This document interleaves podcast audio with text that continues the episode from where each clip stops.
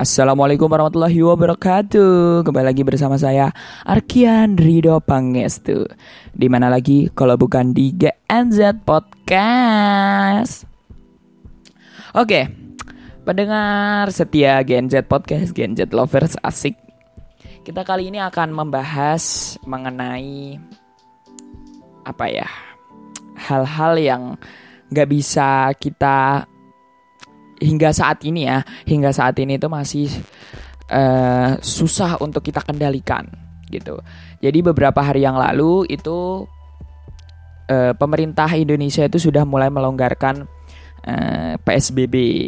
Nah, melonggarkan PSBB dalam kut, tanda kutip uh, tidak melupakan protokol kesehatan gitu, seperti menggunakan masker, jaga jarak, terus apa namanya menggunakan cuci tangan terus, menggunakan hand sanitizer atau menggunakan sabun dan lain sebagainya protokol kesehatan itu tetap harus dilaksanakan ketika kita berada di tempat umum karena memang kita itu nggak bisa disuruh uh, diem di rumah terus menerus gitu ya.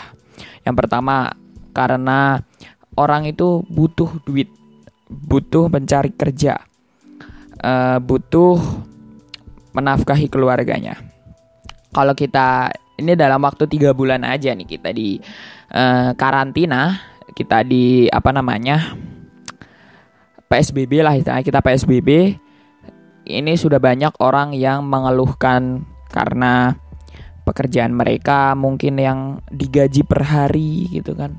Ada juga yang mereka tidak belum turun gajinya terus ada yang nggak turun THR-nya dan lain sebagainya. Itu semuanya penyebab dari PSBB. Tapi mau bagaimana lagi?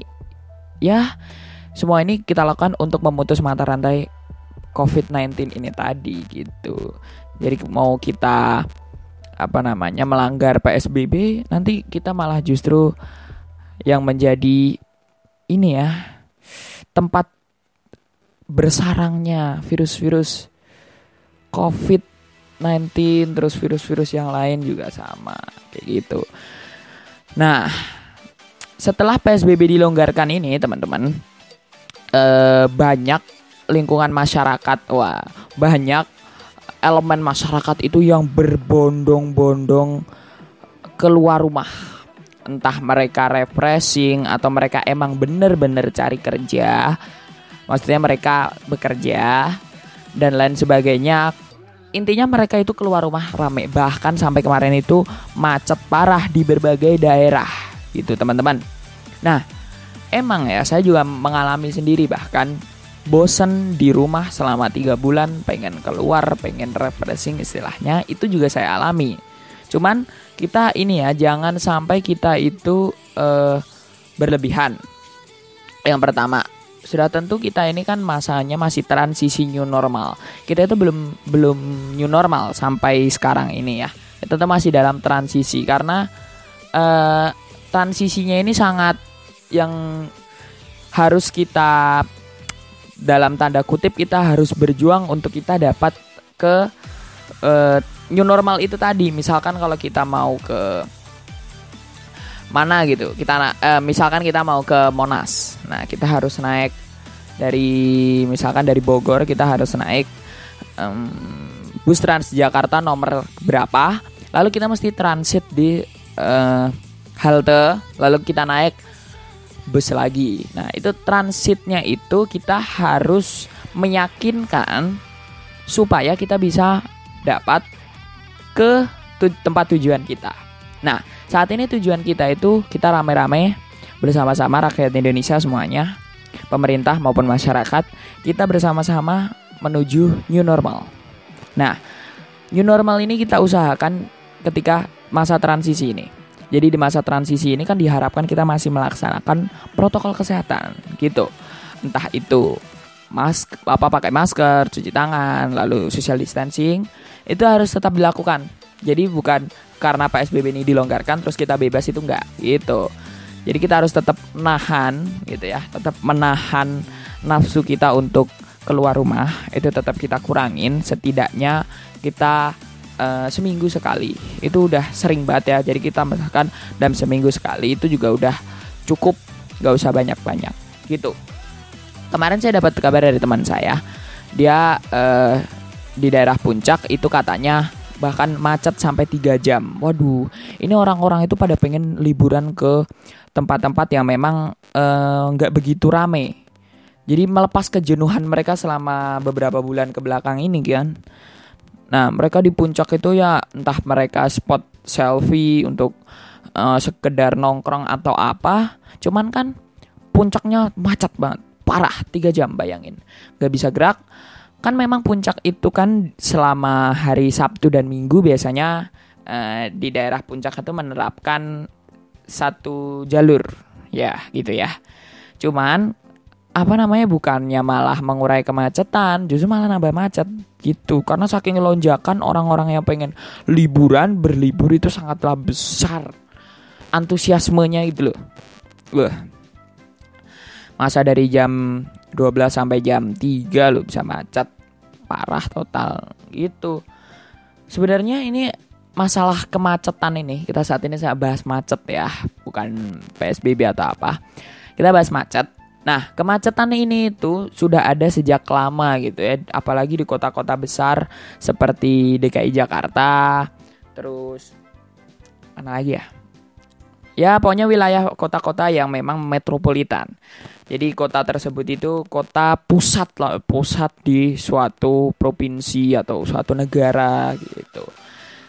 Jadi e, menurut saya ya kemacetan ini tuh penyebabnya yang pertama itu adalah orang-orang itu zaman sekarang itu udah banyak yang punya mobil.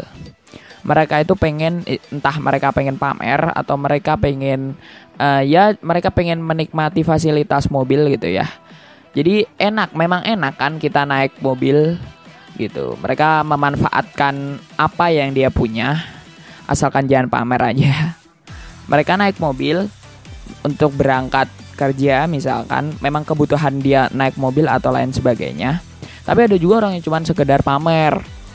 Mereka cuma mau ke situ naik mobil, cuma mau ke situ naik mobil. Aduh, bikin macet. Nah, macet ini sudah menjadi uh udah menjadi makanan setiap hari orang kerja lah ya.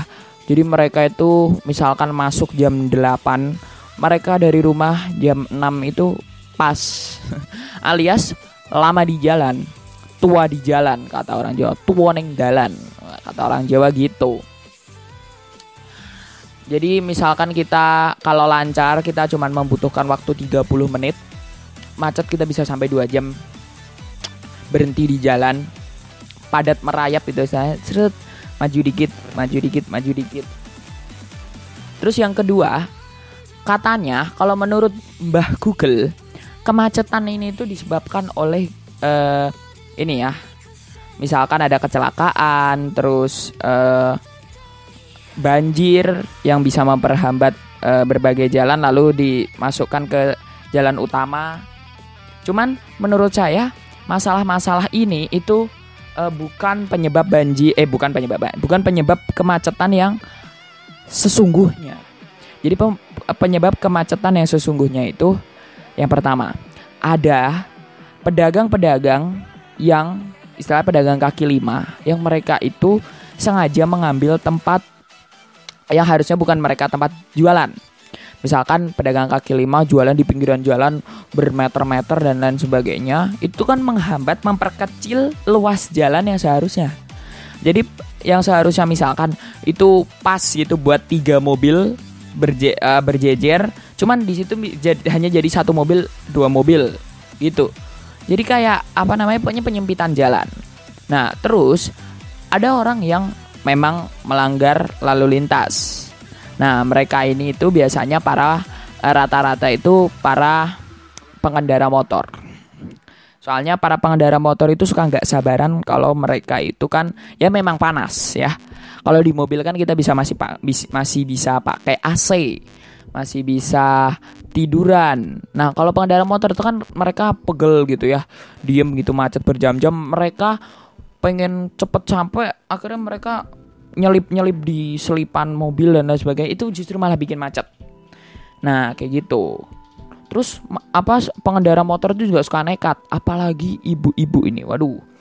Terkadang ibu-ibu ini bukan nggak semuanya ya cuman uh, terkadang ibu-ibu itu suka ini rating apa lampu sen ya lampu sen kiri tapi dia ke kanan terus lampu sen kanan dia melek kiri terus kalau ada orang yang hampir nyenggol dia padahal dia yang salah dia malah suka maki-maki.